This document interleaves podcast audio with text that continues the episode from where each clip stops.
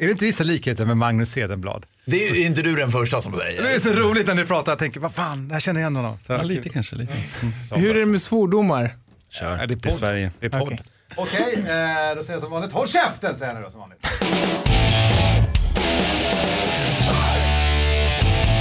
Nej, det var ju fel vignett. Fel vignett. Det här är Fighterpodden. Ladies and gentlemen, we I'm not surprised motherfuckers.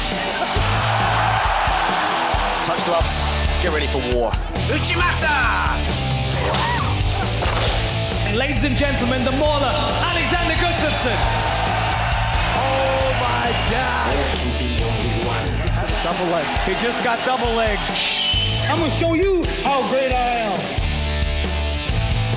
I'm gonna show you how great I am passar ju fantastiskt idag när vi har Fighterpodden med tema boxning. Härligt, underbart. Här sitter Simon Kölle. Yes. Vi skulle ha haft, Taggad, laddad. Taggad, laddad. Eller hur? Jag heter Mårten Söderström. Kul att du är med oss. Avsnitt nummer 14. Och det är ju på tiden då att vi tar boxning som tema för vi har fått lite kritik faktiskt. Mm, När ska ni prata boxning? Och det är inte av ovilja. Vi tänkte Boxning bara- är stort, alltså Ja. boxning är mycket större än många tror. Alltså det, det är bara ungefär 10 000 utövare för sig. Men det, det, är, det är ju liksom hela, alltså i Sverige, men det är ju historiskt det är det ju en av kanske det största. Kanske Ja. största. Brottning, boxning, det är väl Ja. de typ två äldsta kampsporterna som finns. Tyvärr är tyvärr inte Hansa Wiklund med oss idag heller för att han lyckades hamna i redigering. Så nu har han en sista chans. Men jag Inte- vet vad han hade pratat om säkert. Han hade pratat om att Ingmar Bergman var ett stort boxningsfan. Visste ni det? Det hade jag ingen aning om. Det var han.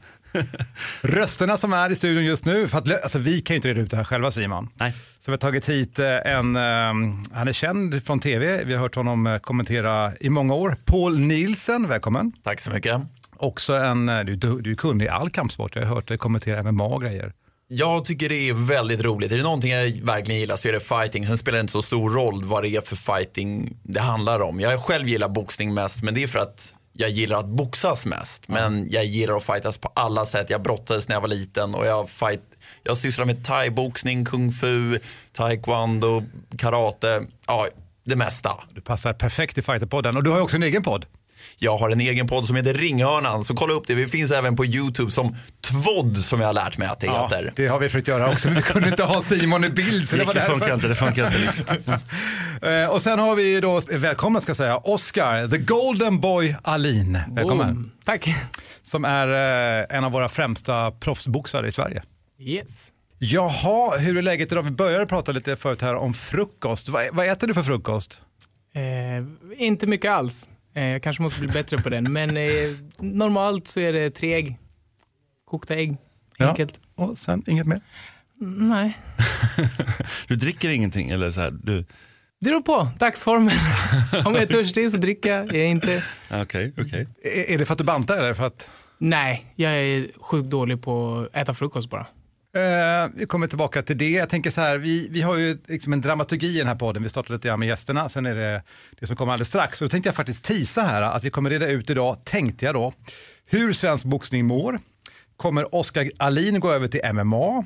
Hur ser framtiden ut för svensk proffsboxning? Och vem är egentligen den främste boxaren genom tiderna? Där är tanken idag. Men eh, först det här.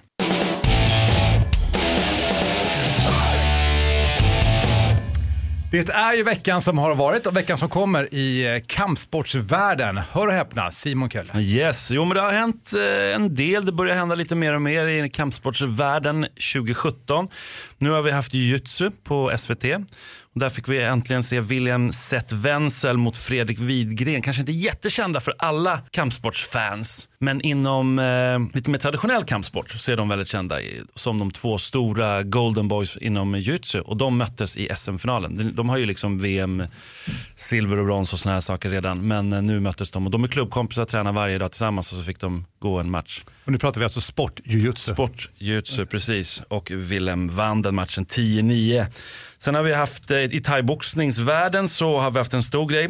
Sofia Olofsson vann utmärkelsen Athlete of the Year utsedd av internationella World Games. Eh, Eh, eh, Så det är väldigt stort skulle jag säga. Det är väl första gången tror jag någonsin som någon kampsportare i Sverige har fått den utmärkelsen. Så det är fett Vad tycker jag. säger Paul? Ja, men jag tycker det är riktigt kul. Jag blir nyfiken här på eh, jujutsu. Är det brasiliansk jujutsu eller är det Nej, vanligt? det är sport, Okej. alltså det är stående då ju. Ah, okej, Det är inte att du säger det, för att jag tror att eh, idag är det så att referensen för jujutsu är dag BJ. Medan när jag växte upp så var ju, alltså till och med då var det inte ens sportjutsu, det var liksom jujutsu, jujutsu var någon form av självförsvar, som sen blev sportjutsu som är den stående. Och någonstans flyter det här ihop idag och ganska många, eller väldigt många sportjujutsu-utövare har ju gått över till BJ, till jujutsu. Många vet att Musse började sportjujutsu till exempel. Jag fick brons i europeiska mästerskapen bland annat. Ja, Innan så- han gick över till MMA. Det var en naturlig väg för många gick. Liksom. Om man har levt länge, lite annat ord för att man är gammal, som jag, då, då, eh, eh, då var ju typ såhär Durevall-systemet. Det Ja, var, ja, referen- Durevall, ja, det var det liksom jujutsu en gång i tiden. Mm. Ja, men runt 1900 i Sverige,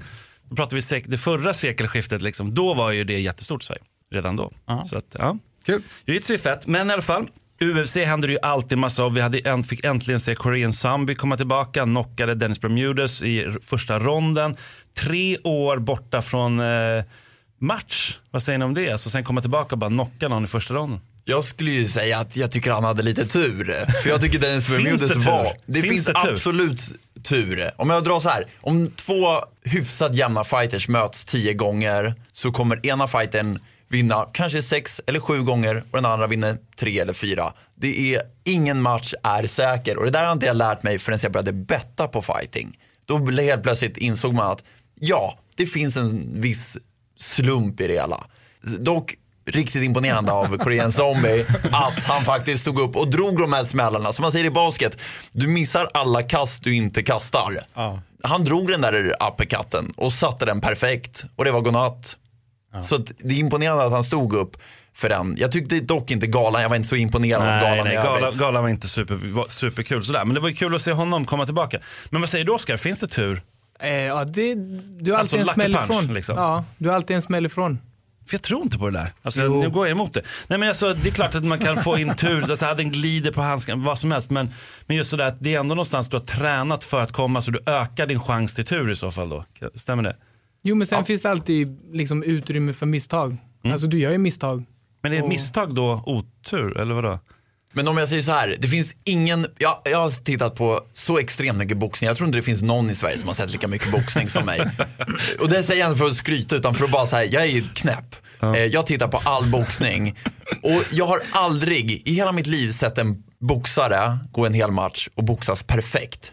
Du gör misstag, du slår din jabb slarvigt ibland, du sänker din höger lite när du drar vänstern, du sänker din vänster när du drar höger. Det finns ingen boxare som har boxats perfekt en hel match. Det närmaste jag skulle säga är när Bernard Hopkins spöade Felix Trinidad. Det är väl det närmaste jag kan komma till en perfekt match. Men även där visar han ju misstag ändå.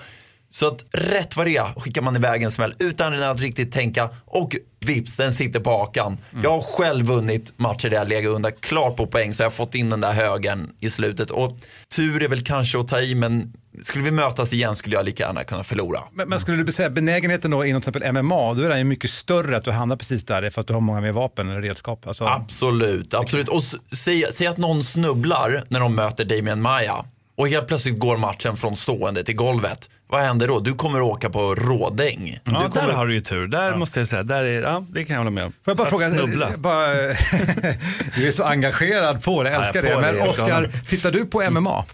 Inte mycket alls. Det är om någon eh, svensk liksom kör. Alex, Ilir, Resa, de kollar. Typ. Eh, Men är, liksom, är du, Men- du renlärd i boxning eller? Jag är en eh, boxningsnörd. Ja, vad härligt. Och jag kan ingenting annat om någon kampsport. Ja, men det är härligt. Det är, Det är underbart. Det är underbart. Det är därför du är här. Ja, Ja. kanske. Nej, men på UFC, sista man säger om UFC där, det var ju att eh, Marcel Fortuna gick. Jag vet inte om du du har märkt honom Paul, för det var ju väldigt intressant. Han, kom ju alltså, han är ju lätt tungviktare som fick hoppa in på kort varsel och möta en riktigt stor, tjock och stark eh, tungviktare som han knockade. Det var, det var inte, det är inte Alltså, han hör ju inte hemma i tungvikten om man säger så. Det var väldigt tydligt. Men eh, var, det, var, det var inte tur i alla fall. Nej, absolut. Det är ju inte alltid tur. Men, men skulle den andra killen ha råkat dra en sving och den bara träffar den här lite mindre fighten rakt på hakan. Godnatt. Det kan, det kan, möts de tio gånger så kommer det ske en gång. Ja, men det, det, det kan jag hålla med om. Nej, men det var lite det som har hänt. Nej, nej, Framöver? Framöver har vi, ja det största måste man ju säga, det är att UFC kommer komma till Sverige. Det är ännu inte officiellt. Men eh, ja. Alltså hur många gånger har inte UFC utannonserat datum i Sverige och flyttat dem? Typ fyra. Fy- Fyra gånger Ja. har, har det hänt. Men, men ja, jag- nu, jag tror att det... Jag, jag, missar- jag, säger så här, jag, jag vet. jag vet mer än vad jag kan säga. Och eh, det är den 28 maj. Men det är, När du säger så, så har du redan sagt det. ja, jo, jo, jo. Förstår du hur du avslöjar du är? Men det, det ja, strunt samma. Det, jag visste också att det inte var i Danmark som väldigt många gick ut med före där. Ja. De, de gick ut och sa att det var i Danmark, det var fel. Men, men, eh, men vad tror du? Vad blir det? Är det... 28 maj är det som är sagt och det är en söndag så det är lite skumt. Så det, antingen är det en nattgala Mhm. eller så är det en söndagsgala faktiskt. Så det vet jag inte hur det kommer funka i Sverige, en söndagsgala. Vad tror ni? Ja, det, det beror helt på vilka som Al- fightas. Alex kommer ju garanterat gå Går matchen. Alex match så säljer han ut vilken tid som helst, var som helst, vilken arena som helst. Han är så populär i Sverige och han har inte gått match på så länge så han säljer ut vad som helst när som helst. Men, alltså, men nattgala menar du att den blir fyra på söndag morgon? Är det så du menar? Ja, huvudkortet börjar Ja, då. Mm. Men som det var på Tele2? Ja. ja just det. Men det var ju lite speciellt, helt klart. Ja, det, var, det funkar ju. Det funkade, Ja. det var helt okej. Jag tycker att det är för sent. Alltså, jag, jag tycker det är för sent, men skitsamma. Jo. Ja. Ett poddtips från Podplay. I fallen jag aldrig glömmer djupdyker Hasse Aro i arbetet bakom några av Sveriges mest uppseendeväckande brottsutredningar. Går vi in med hemlig telefonavlyssning och, och då upplever vi att vi får en total förändring av hans beteende. Vad är det som händer nu? Vem är det som läcker? Och så säger han att jag är kriminell, jag har varit kriminell i hela mitt liv men att mörda ett barn, där går min gräns. Nya säsongen av Fallen jag aldrig glömmer på Podplay. Det, var, det var skumt. Var ni där? Alltså, absolut, jag håller ju helt med. Det är ju på tok för sent. Men det är ju de amerikanska tittarna som spelar roll. Så man förstår ju att de gör det och det kommer bli så. Vi får acceptera det. UFC är en för stor organisation för att lilla Sverige ska ha någon betydelse. De bestämmer över oss. Here in Sweden we actually uh, sleep at four o'clock. men, Ja, men eh. Nej men det är ju absolut största ska men, jag men säga. spekulation då? Uh, förutom, uh, alltså vilka tror du mer? Jag tror till exempel, väldigt många som nu säger att Ili ska komma hit och gå match. Jag tror inte att han riktigt kanske kommer göra det faktiskt. Vad tror du händer om Bjälkheden vinner nästa Superior? Kommer han få ett kontrakt han med UFC? borde få det, sex eller sju raka, har han, sju raka tror jag då. Så då blir han nog den första som kommer komma tillbaka. Svenska. Jag hoppas det i alla fall. Vi får återkomma till detta, spännande. Ja men det är spännande. Men det finns ju många unga också som vill väldigt gärna komma in i UFC som hoppas nu och kör kampanjer och allt möjligt för att komma in. Liksom. Det, är, det är också en sån här ekonomisk grej. Det är en otroligt viktig, stor grej. Men sen har man samtidigt sett vissa som har kommit in kanske för tidigt med ganska stora huvuden, typ Niklas Bäckström och så här, som är otroligt duktig. Men ja, Det som är problemet med UFC för en fighter som David Bjelken är att han är ett ganska stort namn här i Sverige. Men internationellt så ser de hans meritlista och kanske tycker, ja men det är väl inget riktigt märkvärdigt. Och eh, han, han är så pass gammal så att det blir tufft för alltså, UFC att ta det steget med honom. Men nu har han ju presterat väldigt bra sista tiden. Jag tyckte han såg riktigt bra ut i sin senaste match. Så att man hoppas ju verkligen att han ska göra det. Men det är en tuff konkurrens när man är så pass gammal. Det hade varit kul framförallt. Tänk om man skulle pika ett andra varv pika nu. Alltså Robbie Lawler gjorde det. Alltså det finns andra som har gjort det. Så att jag tror att, eh, som inte heller är jätteung. Så här, så, nej, men jag tror att han kan nog göra det. Men det finns ju många andra också som vill, vill fram. Så att spännande, Oliver i en kamp. Alltså det finns många som är verkligen på gång. Så det blir riktigt, Fernando till exempel, som kommer gå match. 18 kommer han gå match. Nano Gonz- Gonzales som var här tidigare. Ja, nej, men vi har UFC 208, Holly Holm. Det, apropå boxning, där boxnings, kan man kalla henne boxningsdrottning? Var hon, var hon det? Hon vann ju tre bälten va? Så här är det. Dam, nu håller jag hatten för nu kommer jag dra iväg här. Damboxning interna- eh, existerar inte internationellt. Damboxning har inget intresse ute i världen. Du ser aldrig damboxning på HBO, på Showtime eller någon annan större organisation. Eh, och det här är jättesynd för här i Sverige är ju damboxning ganska stor idrott. Men två av världens bästa boxare idag i damboxningen är den ena från Sverige och den andra från Norge. Ja. Då eh, Brekhus och Klara Svensson. Och nu går de match också. Och de, och de ska mötas och det här är ju jättestort för oss. Men att Norden som är världens troligtvis två sämsta boxningsnationer, Sverige och Norge, men vi har haft det förbjudet under så pass lång tid så det är inte konstigt att vi är så dåliga. Vi har då de två bästa i världen och det säger lite om sporten. Jag är ledsen att säga det. Men sporten är så pass liten så att Holly Holmes, trots att jag följer boxning så noggrant, det, jag hade ju aldrig sett, jag hade sett henne gå en match och det var ingenting jag la på minne. Nej. Så stor var hon. Och det är inte för att hon inte är bra utan för att boxningssporten inte är stor bland, på damsidan tyvärr. Intressant. Hon eh, har ju haft lite tufft nu senaste tiden i UFC. Nu möter hon Germain, eller German, eller vad man ska säga hennes namn. Eh, Derandamey, eh, som är eh, flerfaldig VM-mästare i kickboxning. Så det blir lite kul. Kickboxning mot boxning kan man säga, som, fast båda har gått över till MMA. Så att de, de, ja, det, blir en, det blir en rolig match. Vi kommer också få se Anderson Silva komma tillbaka. Anderson the Spider Silva. Ja. Han har fyra förluster bakom Han sig nu. Fyra förluster, ja precis. Det är ju verkligen eh, tufft. Mot Derek Brunson som är riktigt tuff. 7-2 har han i UFC. Just det. Så det blir en tuff match. Jacare, alltid roligt att se Jacare tycker jag. Torskade där precis på håret nyligen. Vi har Tim Boach som har två raka nu, gått tillbaka till eh, Marcus Davis eh, som förut fightades. Irish hand grenade eller vad han kallades. Så han, eh, de hade ett antal förluster också i Häcken och sen så började de, eh, flyttade de lite sitt camp och ja. trodde på sin grej och sin formula och körde vidare. Liksom. Jag bara säga, alltså Anderson Silva, som ni klippet nu, han, han är ju rolig. Nu var han tränare med Dan Inosanto.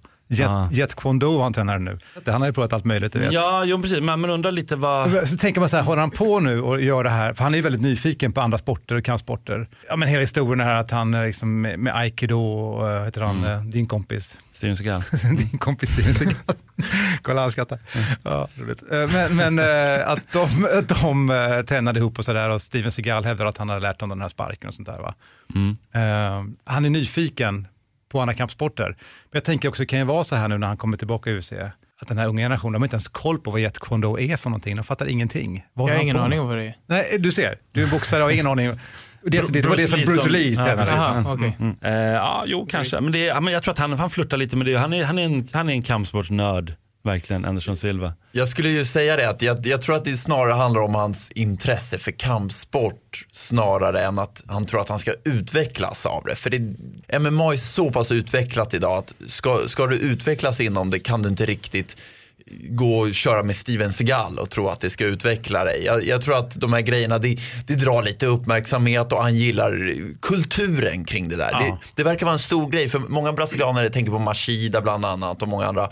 Just att de gillar den här kulturen som finns inom kampsport. Det är en väldigt speciell kultur som man inte hittar inom andra idrotter. Och det, det är väldigt viktigt allt det här med respekt och hur man skö- beter sig för sig och så vidare. Så jag, jag tror snarare att det handlar om det snarare än att han vill utvecklas som MMA-fighter. Ja men kan det vara så. Det kan det vara så. Ja, men sen har vi en till UFC-gala. Då har vi Lewis vs Brown och då kommer Travis Brown försöka, han har ju två raka förluster, sett risig ut. Minst sagt risig ut. Han har ju tränat med Ronda Rouseys eh, ökände tränare men nu har han gått till Blackhouse. Så nu får vi se, det ska bli spännande. Vad, apropå Mashida, de tränar ihop nu. Mm? Tar Dervian eller vad han heter. Ja, precis. Jag har lite inside information om honom. Han är ju känd som en boxningstränare. Ja. Men faktum är att han är ju ingen boxare. Scenen som jag driver podcast med kommer också från Armenien så han känner till honom. Han, han, han har bara hängt med boxare. Han är en kille som bara, han var så här mitsman som det heter åt eh, Viktor Shinyan tror jag det var. Och, och har liksom hängt med och hjälpt till och liksom var den här, han är typ, jag tror han är en sambokille eller om det var judo han kom höll på. Så han är bara, han är ingen boxare. Och helt plötsligt har han fått då det här ryktet att han är en boxningstränare och ska lära Ronda Rousey att boxas. Men han har ingen skolning själv. Han har bara hängt med på de här andra grabbarna. Och det kan man ju också se. Absolut. Det kan man se verkligen. Det- Ja. Han är ju kanske UFCs sämsta tränare men han har någon slags rykte om sig som lever med som gör att han, han haka på. Ja, och nu har han ju dessutom ett sämre rykte kan man ju ganska, Jo, dåligt, ganska risigt rykte faktiskt. Ja, nej, men som sagt, Fernando González kommer ju gå mot Mossen Bahare. Det ska bli jättekul på Cage Warriors också. Sen har vi eh, Irfa 11 som kommer till Berns eh, 18 februari. Då ser vi Joel Moya gå och göra sin proffsdebut. Det ska bli riktigt intressant. Inte jättemånga som känner till honom, men han är VM eh, och EM-mästare i MMA em, på amatörsidan. Och så nu går han över och möter den som alla möter, Martin Foda. Som svingar vilt och eh, blir rätt trött i sina fighter. Men han är alltid, han är alltid, det finns något ganska roligt eh, över honom ändå. Han har gått 11 matcher och möter en eh, debutant. Det, är inte, det har inte aldrig hänt i Sverige någon gång i någon proffssammanhang förut. Alltså det, det är ju väldigt roligt med de här killarna som svingar vilt och är lite öppna. Det går ju inte att komma ifrån. Det är ju någonstans det man lite vill se. Ja. Kolla på Dirk Brunson i sin match mot uh, Whittaker. Ja, just det. Alltså det var ju bland det roligaste jag sett. Hur han bara rusar med huvudet först och slår så mycket han bara kan. Det är ju fruktansvärt spektakulärt. Visst, han kanske inte vinner några titlar. Han kanske inte når hela vägen. Men nog kommer jag titta på när han fightas för det. Jag håller helt med dig, publikmässigt också.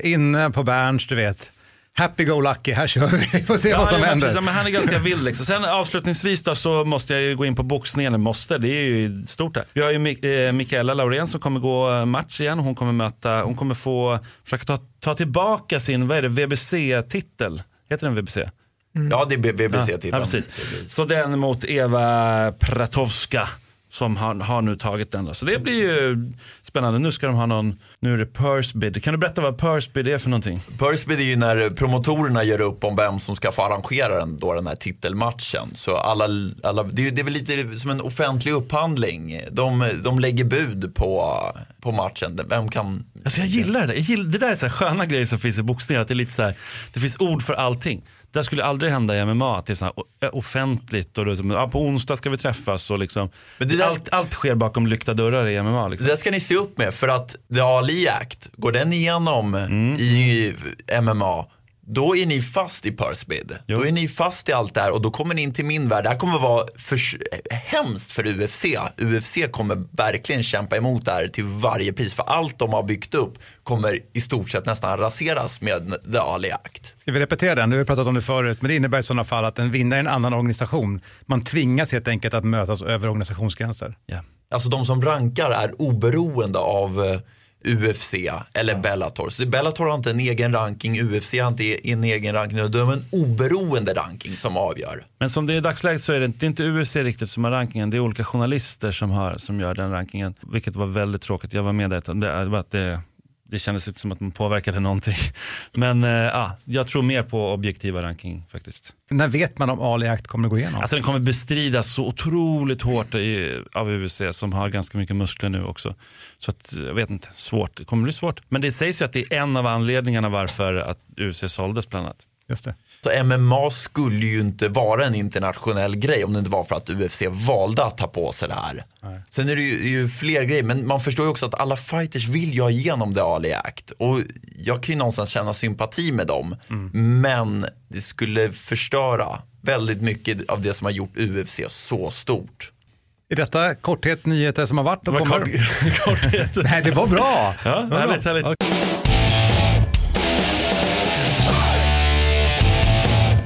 Dagens tema är ju boxning. Vi ska nu eh, bryta ner boxningen i Sverige och framförallt prata om eh, en duktig utövare då, som du är, Oskar Alin. Men först, det här med organisationer. Jag pratar precis just nu om det här med Ali Act. Hur många organisationer finns det egentligen i boxning? Alltså det, det finns fyra eh, respekterade då bälten som organiserar då eh, utser en världsmästare. Det är VBC, VBA, IBF och VBO. Och alla de här titlarna är i stort sett lika mycket värda. Anledningen till att man har gjort det här är för att i boxning, dels är det för att man vill tjäna pengar, men också för att i boxning har det varit så pass många boxare och, bo, och de som är världsmästare går två till max tre matcher per år. Och har du så många boxare som ska vänta på tid att få en titelmatch. Då, då skulle det bli en oändlig väntekö. Så man har gjort lite som man har gjort ungefär i tennis. Man har Wimbledon, man har eh, de här fyra Grand Slam, Roland Garros och allt vad de heter. Eh, och de fyra, de har ju ungefär samma status även om man kanske anser att Wimbledon är lite finare. Så precis samma sak gäller då de olika bältena i boxning skulle jag säga. Oskar, och vilken tävlar du i nu? Allihopa. Allihopa? Det är det, du är ju inte låst till någon. Ah. Så det är det som är grejen med The Ali Act. Så så länge du är boxare så är du rankad av alla. Jag vill säga så här, apropå att du inte kollar så mycket på MMA, så är jag ganska oinsatt i boxning. Därför är du här idag för att jag ska försöka reda ut det. Men när började du träna boxning? Wow. Eh, min pappa är ju eh, boxningstränare och gammal boxare själv. Så att, eh, och min farbror. Jag är från en boxningsfamilj. Så att jag började väl träna när jag var så här fem, typ. Har jag hängt med på gymmet och slagit plattor och hållit på. Och din pappa och din farbror, har han också, har de åkt tävlat och sådär? Ja, farbror var svensk mästare. Eh, farsan är väl eh, än idag tror jag den äldsta proffsboxaren i Sveriges historia tror jag. De måste med ha tillhört generationen när boxningen var riktigt stor, som jag ser på det. Alltså Mm. Ingemar Johansson och Muhammad Ali och sådär. Ja. När du började, var du precis slash Mike Tyson, var var du någonstans då? Alltså för mig var det ju väldigt mycket så här Paolo, Roberto och det är därför vi eh, tränade Arman. på Starfight. Såklart, Armand Kranch och sådär. Ja, Precis. jag utåt brydde jag mig inte så mycket. Jag visste Oscar de la Hoya för att jag hette Oscar och så kallade folk mig typ Golden Boy eller de la Hoya på gymmet. Hur blev det, hur blev det Golden Boy då? Ja, det var Paul som annonsade det. Nej. Jag, var, eh, jag, jag satt där då och var announcer. Och då skulle jag introducera Oscar och alla vet ju liksom vem Oscar är, men han har inget smeknamn. Så självklart, han är ju the golden boy. Det är ju klart det, han ska ha det namnet. Min, min gamla arbetskollega Micke Lindblad, proffsboxaren, han fick ju namnet The Blonde Bomber. Är det inte bra? Det är bra. Det finns många roliga smeknamn i, eh, i boxningen. Okej, så att, eh, där började det. Och eh, vad var det som gjorde att du, ja, det kanske var pappa då som påverkade dig, att du som fastnade för boxningen? Alltså hela det familjära i det. Liksom Hela gymmet blev en familj. Eh, det var väl där det började. Liksom. Det, jag var mer hemma där än vad man var hemma, liksom när man var hemma. Make sense? Ja, absolut. hur, gammal är du? 27. 27. Eh, Att jag stannar upp lite grann är att jag tänker, för att parallellt med det här har ju hela nutidskampsport, då tänker jag ju framförallt MMA, har ju kommit Mm. precis parallellt med det här. Du började prata om Paolo Roberto, liksom, som någonstans, ja, han var ju också taekwondo-utövare, sett och sådär. Va? Mm. Ja, det sitter rykte. Men, men att du eh, i det här, eh, så att säga, höll fast i boxningen, och du berättade förut här att du tittar, ens, du tittar inte på någonting annat, du, är liksom, du, är, du är renlärig för, för boxningen. Ja, ganska. Men K1 då, har du kollat någonting på det? För det är också... Nej. Nej. Alltså, det är väl typ så här, jag kollar på MMA när jag känner människan. Mm. Om jag typ tränar med den eller liksom sånt. Men annars, eh, som boxare tycker jag, alltså ground gamet är sjukt tråkigt. För jag fattar ju ingenting heller. Nej, nej. Så det är så här, plus att de slår inte. Jag tittar ju på det jag själv kan sätta mig in i. Och det är inte brottningen. Men du måste också uppleva nu då att boxningen, när du började, alltså den har ju fått en, i mina ögon en absolut revival tack vare MMA. Absolut. Eller hur? Absolut. Idag diskuterar man hur Conor McGregor ska liksom möta en eh, proffsboxare. Alltså det har ju hänt någonting stort. Inte här... vilken proffsboxare som helst, Nej. utan vi pratar ändå om liksom the one and only. Typ. Exakt. Det största proffsboxaren på sjukt länge. Liksom. Nej, men det är det som jag tycker är viktigt att liksom ta fram. Det är att boxning och MMA ska inte tävla med varandra. Igen. Alltså nu menar jag sport mot sport. Sen om de vill korsa och McGregor vill komma och möta Floyd. Det är, upp, alltså det är business. Men eh, just att vi, vi hjälper varandra. Vi är samma familj. Och Men, men så var det ju inte ursprungligen. Alltså, Nej. jag menar, karaten var karate och judo Oh var ja. judo. Det har hänt något otroligt stort i det här. Och eh, som sagt, och framförallt så respekten för boxning. Precis som brottningen fick en revival tack vare MMA. Att Mm. alltså, vara en duktig brottare. Det var ju ingen som tyckte att det var en kampsport liksom way back. Idag är det helt andra ögon på det här. Men hur mycket tränar du? Så mycket jag kan. Ja, vad innebär det? Två till tre pass om dagen ungefär. Men, men kan du leva på din boxning? Nej. Nej. Alltså det är ju så här, det är svårt med sponsorer. Det är, alltså just för, att, för att det är Sverige liksom. Men vad skulle det krävas för att kunna leva på boxning i Sverige? Nej, men alltså det måste ju bli helt okej att det är det ju inte.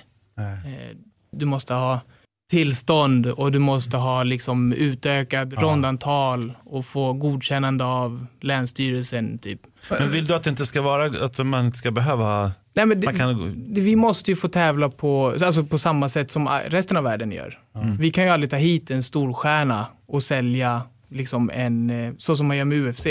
Vi kan inte ha full matchlängd för att vi inte får. Eller typ ansökan måste vara inne två månader innan och sen kanske de inte ens godkänner den. det sorgliga där, jag måste bara flika in det, för jag känner till lite hur, det borde du kunna rätta mig på, men lite hur spelet har varit där bakom. För att boxningen har faktiskt misskött sig otroligt mycket från förbundshåll. Just när det gäller att rapportera in och, alltså jag var ju där när Frida, tyvärr, det som hände med henne och det var ju, liksom, det var ju otroligt dåligt skött allting runt omkring. Det tog lång tid innan de kom in i ringen och det var så här, nej, det var, det var dåligt. Jämför det med en låg nivå MMA-gala så har, är det bättre säkerhet. Alltså. Jag skulle säga så här, det var när proffsboxningen blev tillåten så var det helt plötsligt väldigt många opportunistiska eh, arrangörer som ville sätta igång det som var väldigt tveksamma. Jag har boxats under en del av dem så jag vet att det här är fifflare, det här är, de försöker göra sig snabba pengar och så vidare. Och det är verkligen, man sköter det på minimalt sätt. Det, det, det, det är faktiskt, de, de misskötte det väldigt mycket just då när vi väl började få lite matcher här i Sverige. Och det hade sina konsekvenser naturligtvis. Men är inte det otroligt konstigt? Alltså jag, jag tänker så här, det är bara att resa utomlands. Fortfarande så pratar man om Ingemar Johansson, alltså svenska liksom legender. Boxningen, box, boxningen är ju otroligt alltså, känd som sport och den har enat en hel liksom, nation. Jag tänker Sverige nu, jag tänker framförallt med Ingemar Johansson. Men vi fick inte ha proffsboxning i Sverige. Och en dag till slut så blir det tillåtet då, dock som du säger med liksom lite andra regler då än eh, internationellt. Och någonstans precis där, då smiter bara MMA in och tar en position. Men boxningen hade ju chansen precis där. Var man inte beredd eller vad var grejen? Dels var man inte beredd. Man hade inte erfarenheten av att sätta ihop såna här stora galor och så vidare. Och samtidigt så hade man bara fyra ronders i början. Nu kan man ju få dispens för att få fler ronder, men man fick ju inte det. Det var ju faktiskt så att Sauland ville dra ihop en gala här med Nikolaj Valujev, den där jätten då från Ryssland. Eh, men de fick inte det. Och, och det, var, det var ett stenhårt och det gjorde att boxningen, de, vi kunde inte dra hit någon stjärna, vi lyckades aldrig riktigt få fram några egna produkter och så vidare. De fick sticka utomlands och boxas utomlands så fort de hade gått tre matcher.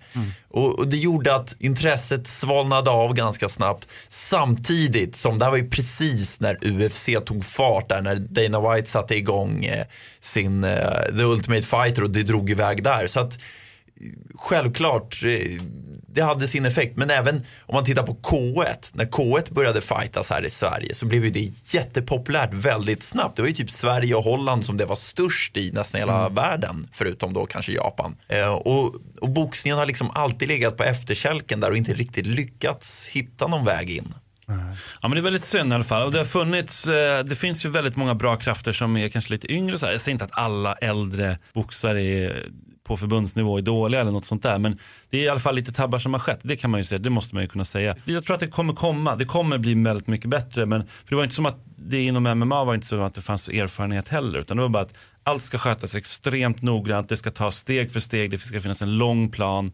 Istället för att direkt försöka få det största. Och så får man nej. Då har de sagt nej och då kan man titta, nej men vi sa nej till det här. Och så här, istället bygga liksom uppåt långsamt för att nå upp dit. Men men jag tänker på det, vi pratar ju om att kunna leva på boxningen, Oskar, som proffsboxare. Ja. Det är ju lite märkligt att om jag ska börja spela golf och så tittar jag på de internationella golftävlingarna och så tänker man, tänk en dag så tjänar jag de här pengarna. Om man tittar på Floyd. Alltså Ja. det, det finns ju Ja, ändå men jag så här tänker bara- enorm, to enorm topp Ja, liksom. men jag skulle precis säga, det är exakt samma jämförelse, det är otroliga pengar. Oh ja. Fast här i Sverige, jag, bara, men jag det- kan inte leva på det, det går Nej, inte. exakt. Eh, Varför det är så? Alltså det är ju också så här, det finns ju så mycket utövare skulle jag säga, så att du har ganska, alltså det här, du har så hög nivå vid en sån låg nivå och vid den låga nivån så får du inga pengar. Nej. Du måste liksom slå igenom, du måste ha tv, du måste ha pay-per-view, du måste ha allt det här för att synas och tjäna pengar. Men Vad arbetar du med annars? Jag är PT. Men, men för att svara också lite på det Oskar säger, det som är, det stora problemet i Sverige också hur boxning representeras. Jag menar, vi har faktiskt, idag har vi Sveriges då kanske bästa boxare genom tiderna som håller en världsmästartitel. Och ingen känner till honom i Sverige. Badou Jack är ju liksom, han är troligtvis större i England än vad han är i Sverige. Och det är också hur boxningen rep representeras och visas upp i Sverige. Och det gör att vi kan inte dra åt oss sponsorer som man kan göra i andra sporter. Jag menar, har du fightas du UFC då får du otroligt många sponsorer och så bara av, av att ha varit där. Och, och, och samma sak gäller inte boxning utan i, i boxning det spelar ingen roll om du är riktigt bra. Jag, jag tror väl att den nästan enda svenska boxaren idag som kan leva på sin boxning helt och hållet är väl Erik Skoglund skulle jag tippa på. Eh, och det är, det är för att Sauland har valt att satsa helt och hållet på honom och, och göra honom till en stjärna. Och det är det som är grejen för en promotor. De går runt på att ha skapat en stjärna, inte på att skapa bra matcher. Och det är också en av problemen till varför inte boxning lyckas växa sig större.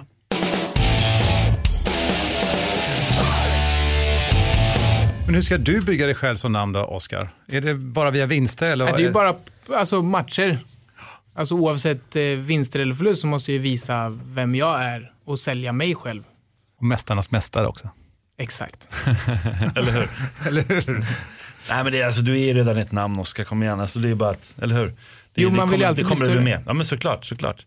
Men det, är det så här, är det mycket snack om pengar? Så, eller så här, nu att Badoujac sa att han var 6,2 miljoner eller någonting han fick för sin match. Eller han kanske inte fick det, men hans team i alla fall. Men är det mycket sådana tankar? Går det så här, ah, Alltså jag boxas ju inte för pengarna. Nej. Det är ju ett Ja, det är plus. bra. Det är väldigt det är ju ett plus. plus. Jag Mm. vill ju, alltså på något sätt för mig är hela den här resan och kunna sätta, alltså om vi tar, det är helt sjukt att jämföra mig själv med honom, men typ Ali. Mm. Han var jättestor för de svarta på sin tid. Mm. Jag vill ju kunna sätta mig i en position där jag kan göra skillnad. Mm. Sen oavsett vad frågan är. Men någonstans vill man också inte bara göra det för sig själv. Man vill ju nå någonstans så att Mm. man är större än bara boxar-Oscar. Och det är väl det jag är idag. Jag är bara boxar-Oscar. Och eh, man vill alltid bli större. Inte för liksom famen, utan för att jag vill kunna ha en inverkan. Droger försvinner eller om det är för eh, yngre eller om det är för whatever. Så man vill sätta sig högre upp och kunna ha Skitbra. lite makt. Men, men, men har, har, du en målbild, alltså har, du en, så här, har du en tidsplan och en målbild vad du vill med din boxningskarriär? Alltså, jag ska komma dit, alltså till toppen. Mm. Det är ju min, det är mitt mål. Sen om det är om tre år eller om tio år, det skiter jag i. Eh, Jag ska bara dit. Jag vill göra det här länge och jag vill göra det korrekt. Vad säger du då Paul, alltså, vad är Oscars chanser? Det är en tuff sits han sitter i. För att det som är grejen är att för att Oscar ska bli känd, det är inte riktigt hans jobb. Han ska boxas och vinna sina matcher. Det är det man ska sikta på som, som boxare. Visst, man, man får försöka sälja sig själv, göra roliga intervjuer och så vidare. Men det är en promotors jobb att göra dig till ett namn. Och de flesta idrottsmän, ja, men hur många idrottsmän är egentligen bra på att göra ett namn för sig själva? Nej. När de sitter i intervjuer. Jag menar, de flesta hockeyspelare börjar alla meningar med aj, och så säger de inte så mycket mer. Och det är, det är ju en idrottsmans jobb. Och som en boxare så är det då ännu viktigare att du har en bra promotor vid sidan om. Titta på Canelo Alvarez som är den största boxaren idag. Han säger jättetråkiga saker. Han är helt ointressant som person. Men Top Rank som är hans promotor då, Bob Arum, vet precis hur han ska hantera det här och har gjort honom till boxningens största stjärna idag. Otroligt imponerande. Samma sak med Anthony Joshua och så vidare och så vidare. Det är inte Oscars jobb själv att göra sig till en stjärna. Det är hans promotor och utöver det då självklart hans insatser i ringen. Det är det han kan påverka. Och det är det han ska satsa på. Men vi pratade ju förut om kvinnlig boxning i Sverige.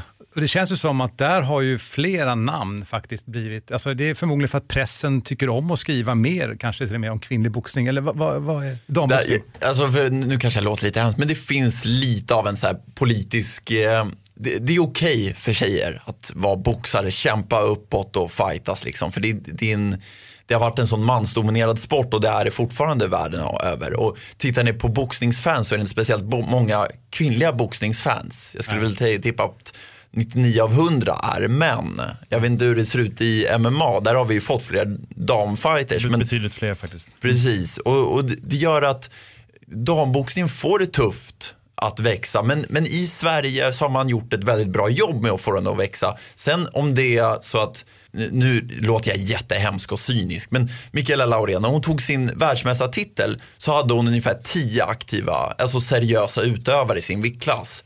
Så det kräver inte så mycket av dig att vinna en världsmästartitel i, boxning, i damboxning som det gör att vinna det i UFC eller en annan eh, större organisation eller annan sport. Och det, och det gör att vi har svenska världsmästare på hemmaplan, Sverige vill se en vinnare. Det är klart att här har vi en vinnare. Är det svårt att prata om det här? För jag tittar på det när du pratar om det, du letar verkligen efter orden. För att jag förstår, det finns inte en tendens att du vill förringa damboxning på något sätt. Men finns det en risk, även när du pratar om det, om Mikaela var här nu, skulle hon, vad skulle hon säga till dig då? Jag, hon, jag är ju god vän med Mikaela så jag tror inte hon skulle ha några problem med, att- med att hålla med om allt jag säger. Och jag, jag säger inte det här för att förringa henne. Nej. För hon gör allt hon ska, hon gör det rätt. Precis som jag sa, hon, hon fokuserar på sina matcher och hon vinner dem imponerande och det är det hon ska göra. Så det här är ingen kritik mot damboxarna. Nej. Utan, utan det här är snarare mot just att internationellt sett har sporten förringats totalt. Och, och det, det blir, som sagt, jag blir lite så här cynisk för jag är ett boxningsfan som faktiskt håller koll på sporten. Och, och det gör att det blir ganska tufft att prata om det för jag vill verkligen inte förringa tjejerna. För de gör ett otroligt jobb, de gör otroligt bra grejer för svensk fighting generellt sett skulle jag säga. Så, så det är verkligen inte en kritik emot dem, utan det är, det är en kritik just framförallt för att internationella damboxningsförbunden inte gör det de ska.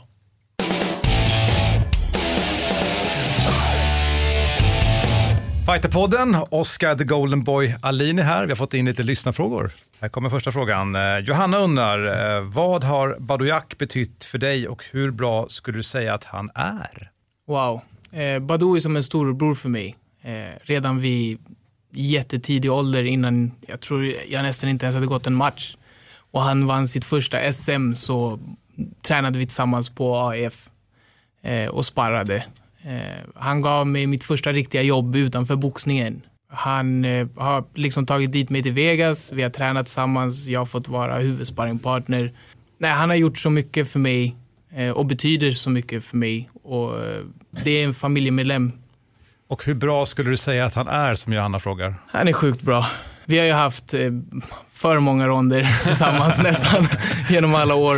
Men, eh, och det som är så kul med honom är att han fortfarande utvecklas. Han är riktigt jävla bra och han kan bli så mycket bättre. Mycket kärlek här, härligt. Väldigt. Ja, sen har vi Alex som eh, har, han säger jag har några frågor till Oscar. Eh, vad är den största skillnaden på att träna i USA och Sverige? Alltså det är väl, det är, du lever boxning i USA. Här blir det lite av en hobby. Det är liksom, eh, om någon frågar mig här hemma, vad jobbar du med? Och jag säger, bok, alltså jag är proffsboxare. Då säger de, jo men vad jobbar du med på riktigt? eh, Medan i USA är det ett jobb. Och sen är hela attityden på gymmen helt annorlunda.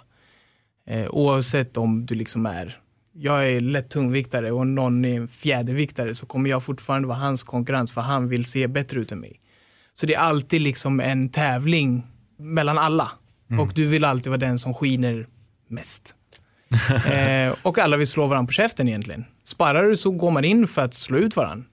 Det gör det ju inte här hemma eh, på samma sätt. Eh, Tufft, ja, det låter tufft. Sen undrar han också så här, hur bra boxning tycker du Conor McGregor har? Åh gud vad taskigt. eh, nej, alltså han är väl bra. Men jag, jag har också sett när han sparrade mot någon boxare och då ser det eh, för dåligt ut. Eh, så att det är så här, ja men på plattor kan alla se bra ut. Men, men det här snacket nu om McGregor, är det här bara en hype? Är det bara för att det ska hjälpa båda sporterna? Jag tror att det är business.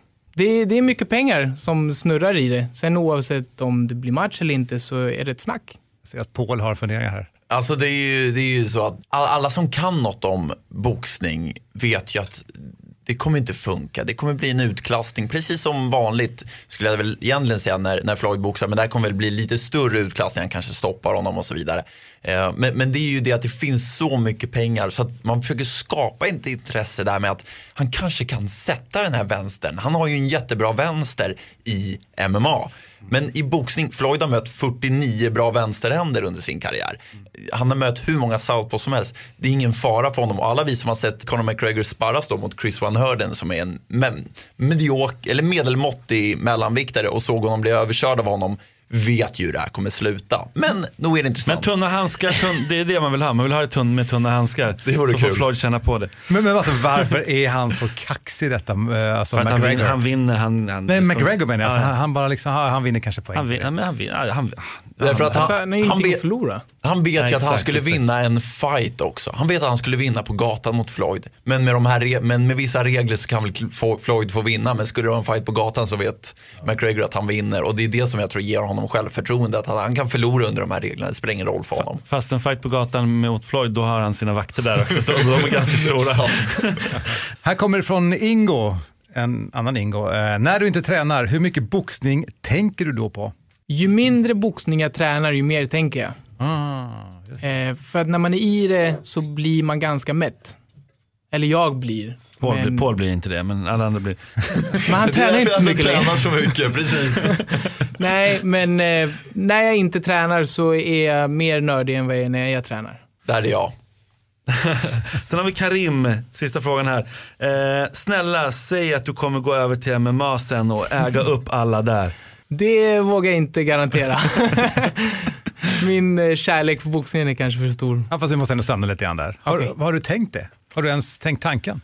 Alltså jag fick frågan en gång för länge sedan när vi tränade på Hilti.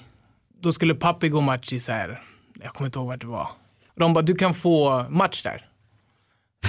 Och jag bara, jag, jag, jag, vad var jag, så här 18 år eller någonting. Ja. Det, det, det har aldrig lockat mig.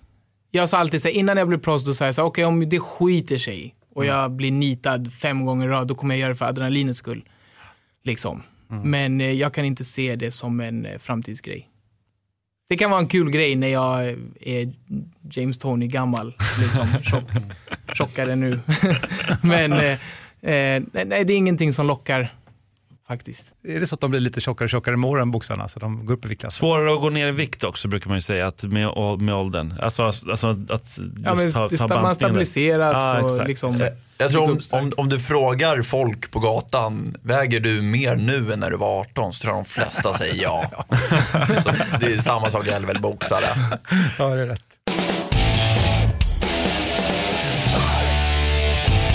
Att bli knockad i MMA och i boxning, det, måste, det är samma sak, alltså du blir knockad. Men träffen med en MMA-handske kontra en boxningshandske, har du blivit träffad hårt i ansiktet av en MMA-handske? Alltså jag har sp- sparrat med folk som har haft MMA-handskar. Mm. Eh, och inte de här tjocka sparring. Nej, just det. Alltså det är ju så här, du, du får mer märken, men en bra gjord proffsboxningshandske är inte så mycket tunnare. Eller så mycket tjockare menar jag. Nej, det. det som den gör, den skyddar handled med den skyddar tumme, den, men liksom det är de här, det är, det är någon centimeter som är liksom stoppningen där framme, för du lägger mer på handleden. Det är där vikten ligger. Sen har vi typ Adidas. Ja, de lägger mer framme vid knogarna. Mm. Men typ de här Grant som jag boxade i senaste matcherna och Badou boxar i, alltså de är, det är, det är inte mycket där framme. Speciellt om de är lite utslagna liksom. Och de blir varma med ronderna och då är de ganska tunna. Så att jag tror för att det ser mer skyddat ut så säger alla, ja men det, det är så stor skillnad. Men det är många i MMA också som, som brukar säga att boxare slår fel. Eh, då måste ju ni rätt, rätta det i så fall. Alltså de men, då, det, de, det de menar här är inte nödvändigtvis det jag tycker. Att de slår liksom med sidan här. Så att om man inte skulle ha en handske på, då skulle man bryta handen. Jag tycker ju MMA-fighters slår som- mycket mer på det sättet än Okej. vad boxare Mm. gör. Mig. boxare skulle jag säga slår rätt överlag. Det som de här stora handskarna gör däremot är att man kan skydda sig mycket bättre. För det, Mm. upp, det är som en hockeymålvakt som har större skydd på sig. Han täcker ju upp mer av utrymmet. Så att Mm. ett par MMA-handskar, du kan få in en uppercut som du inte skulle fått in i boxning. Och jag tror att de flesta som har blivit träffade hårt på hakan vet att det, det, är inte det att det gör ont att bli träffad av en handske utan du får en elchock och så vaknar du ungefär lite till och fattar inte riktigt vad som hände nyss. Och det är ju så det känns att få en hård smäll på hakan. Så att, hur ont det gör spelar nog inte så stor roll utan det är snarare just att de där slagen du inte förväntar dig går in sitter istället. Men, men är det samma sak, alltså kroppslag, är det samma känsla där då? Nej, där gör det bara så ont. Det, det, det, gör bara så ont alltså. Det, och Badou har satt många kroppslag i min lever alltså. De, åh, det, det, gör, det, det som är grejen är att du kan säga att du är hur tuff som helst. Blir du träffad av det där leverslaget, då gör det så ont så du viker dig. Jag har sett de tuffaste grabbarna bara totalt vika sig. Det, det, det finns ingenting du kan göra någonting åt. För att det, går som en, det är ungefär som att bli få en sån här taser gun. Din kropp bara trycker ihop sig och pressar sig. Och det enda du kan göra det är egentligen att ha blivit träffad så du vet smärtan som du går igenom och försöka ta dig upp så snabbt som möjligt. Men det gör så ont och det är bara... Och då kan man, kan man träna det menar du? Alltså du, kan, du får erfarenhet. Jag skulle säga att jag tål en eh, kroppsslag mycket bättre idag än när jag var ny. Därför att jag har varit nere i golvet så pass många gånger på de där kroppsslagen. Att man har lärt sig också att hantera smärtan på ett annat sätt. Snarare än att jag har blivit starkare eller så. Håller du med Oskar? ja, det skulle jag säga. Man lär sig hantera, alltså så som du säger, hantera smärtan och sen liksom fejka.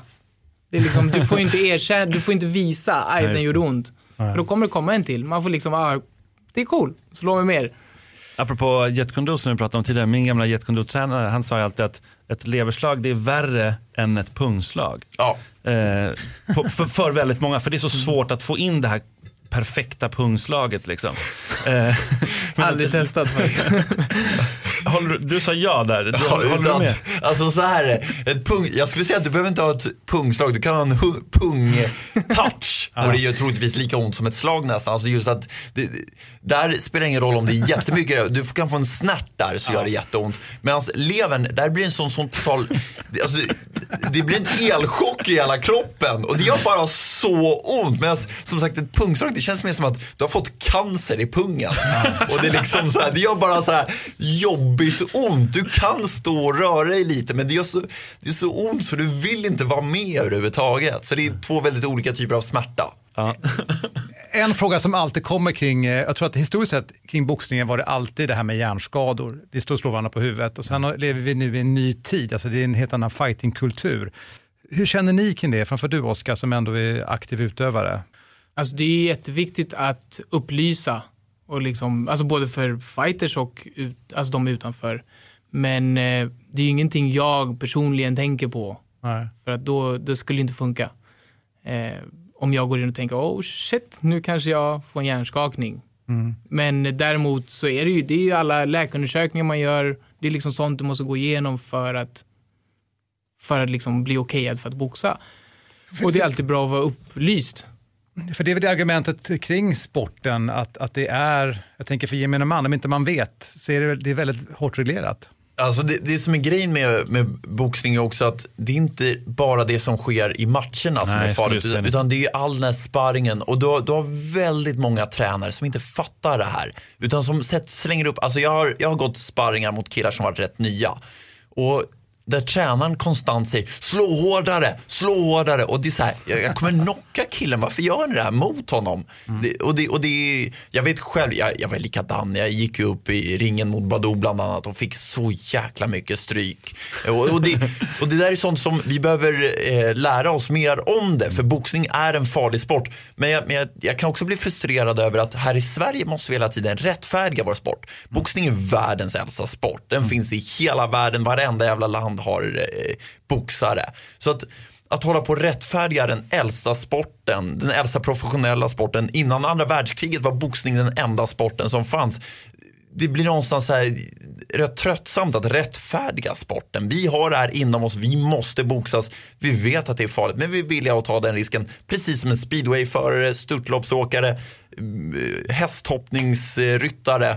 Vi är villiga att ta den här risken. Jo, fast man kan ju också göra det bättre, alltså, tänker jag är djävulens advokat här. Alltså, man, alltså, man kan ju, de- de kan göra bättre bilar när de åker, kör fort, de kan ha bättre grejer. Alltså, skydd på sidan av liksom backarna när de åker fort med skidor och grejer. Du kan ju göra grejer, som du säger, att upplysa om träning, att man inte liksom sparrar stenhårt.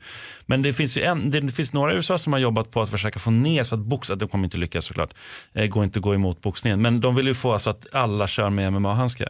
För handskarnas storlek, det är det som är liksom den stora faran. Jag skulle säga att det är inte handskarnas storlek, det är linderna. Linderna Okej. tycker jag är, för att om du tittar på en knoge, titta på skelettet i en knoge och så jämför det med en skalle.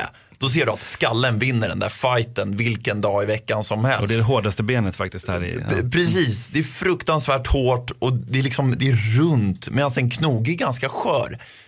Har de här linderna kan du dra iväg vilken sving som helst och dina händer kommer klara sig. Det blir som två tegelstenar som du Det är skickar så iväg. Precis. Ska- Tar du bort, jag tycker personligen man ska ha mindre handskar, alltså lite mer som säckhandskar eller något liknande. Och du ska inte ha linder. För det kommer göra att du blir tvungen att kontrollera dina slag mycket bättre. Plus att det, det man har visat är också att det är de här utdragna fighterna. Där en fighter går på slag efter rond efter rond efter rond efter rond. Och det är då som verkligen de här skadorna sker. Och har du istället då som MMA har mindre handskar och du får en knock och det blir ett stopp.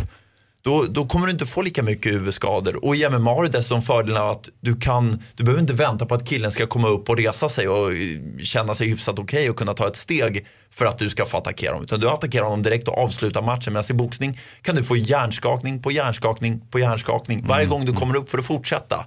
Och det där är någonting man behöver göra något åt. Hörrni, vi har en sista fråga. Det var den jag startade med idag, såklart. Vem är den bästa boxaren genom tiderna? Oskar? Sugar Ray Robinson skulle jag säga. Ja, det är inte så mycket snack där. Det, jag tror att alla som kan boxningshistoria är helt överens. Det är Sugar Ray Robinson, Muhammad Ali sa det och alla andra säger det. Den som inte säger det, ja, det är väl Floyd Mayweather som säger att han är det. Men, men tyvärr så har han inte meriterna för att kunna hävda sig den titeln. Och idag, nutid, Uff, Paul. Ja, jag kan ta det. Kör. Jag skulle säga att det är två boxare, ja, jag har ju tänkt på det här väldigt mycket. Det är två boxare som jag Säg skulle... inte Lomachenko nu. Jag skulle just säga, det är Lomachenko och Golovkin som gör upp om den titeln. Anledningen till Men det... Josh, Joshua då? Han är alltså... Nej, nej, inte kilo för kilo. Han har för för mycket, han har för långt kvar. han är väldigt grym. Absolut. jag bara sista frågan, det här kommer hålla på länge. Det här kan hålla på ett tag. Jag, jag skulle kunna sitta väldigt länge. Ja, för det- alltså, Joshua är ändå... Alltså, Otroligt imponerande och jag ser verkligen fram Jag tror att han är tungviktens nya hopp verkligen. Jag tror att tungvikten kommer att växa ihop med honom och bli Otroligt internationellt cool. Stor. Men kilo för kilo är det väldigt Nej, det sällan sant. Mm. en tungviktare kan ta sig in på den listan.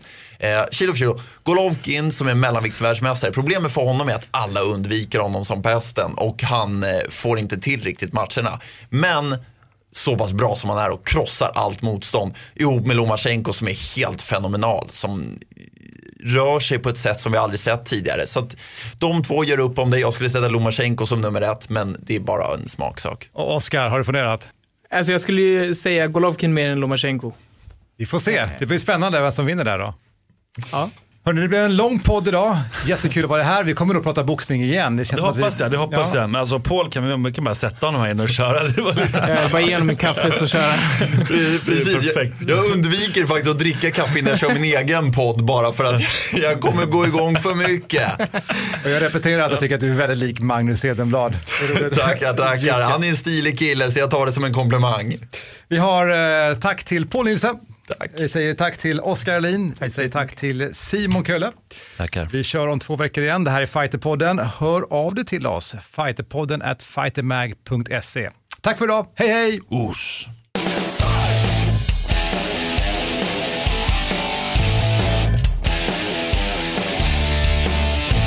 Fighterpodden produceras av Suba Media för Radio Play och Fighter Magazine.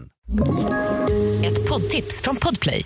I podden Något Kaiko garanterar östgötarna Brutti och jag, Davva, dig en stor dos skratt. Där följer jag pladask för köttätandet igen. Man är lite som en jävla vampyr. Man har fått lite blodsmak och då måste man ha mer. Udda spaningar, fängslande anekdoter och en och annan arg rant. Jag måste ha mitt kaffe på morgonen för annars är jag ingen trevlig människa. Då är du ingen trevlig människa, punkt. Något Kaiko, hör du på Podplay. Därför arkadeinerna.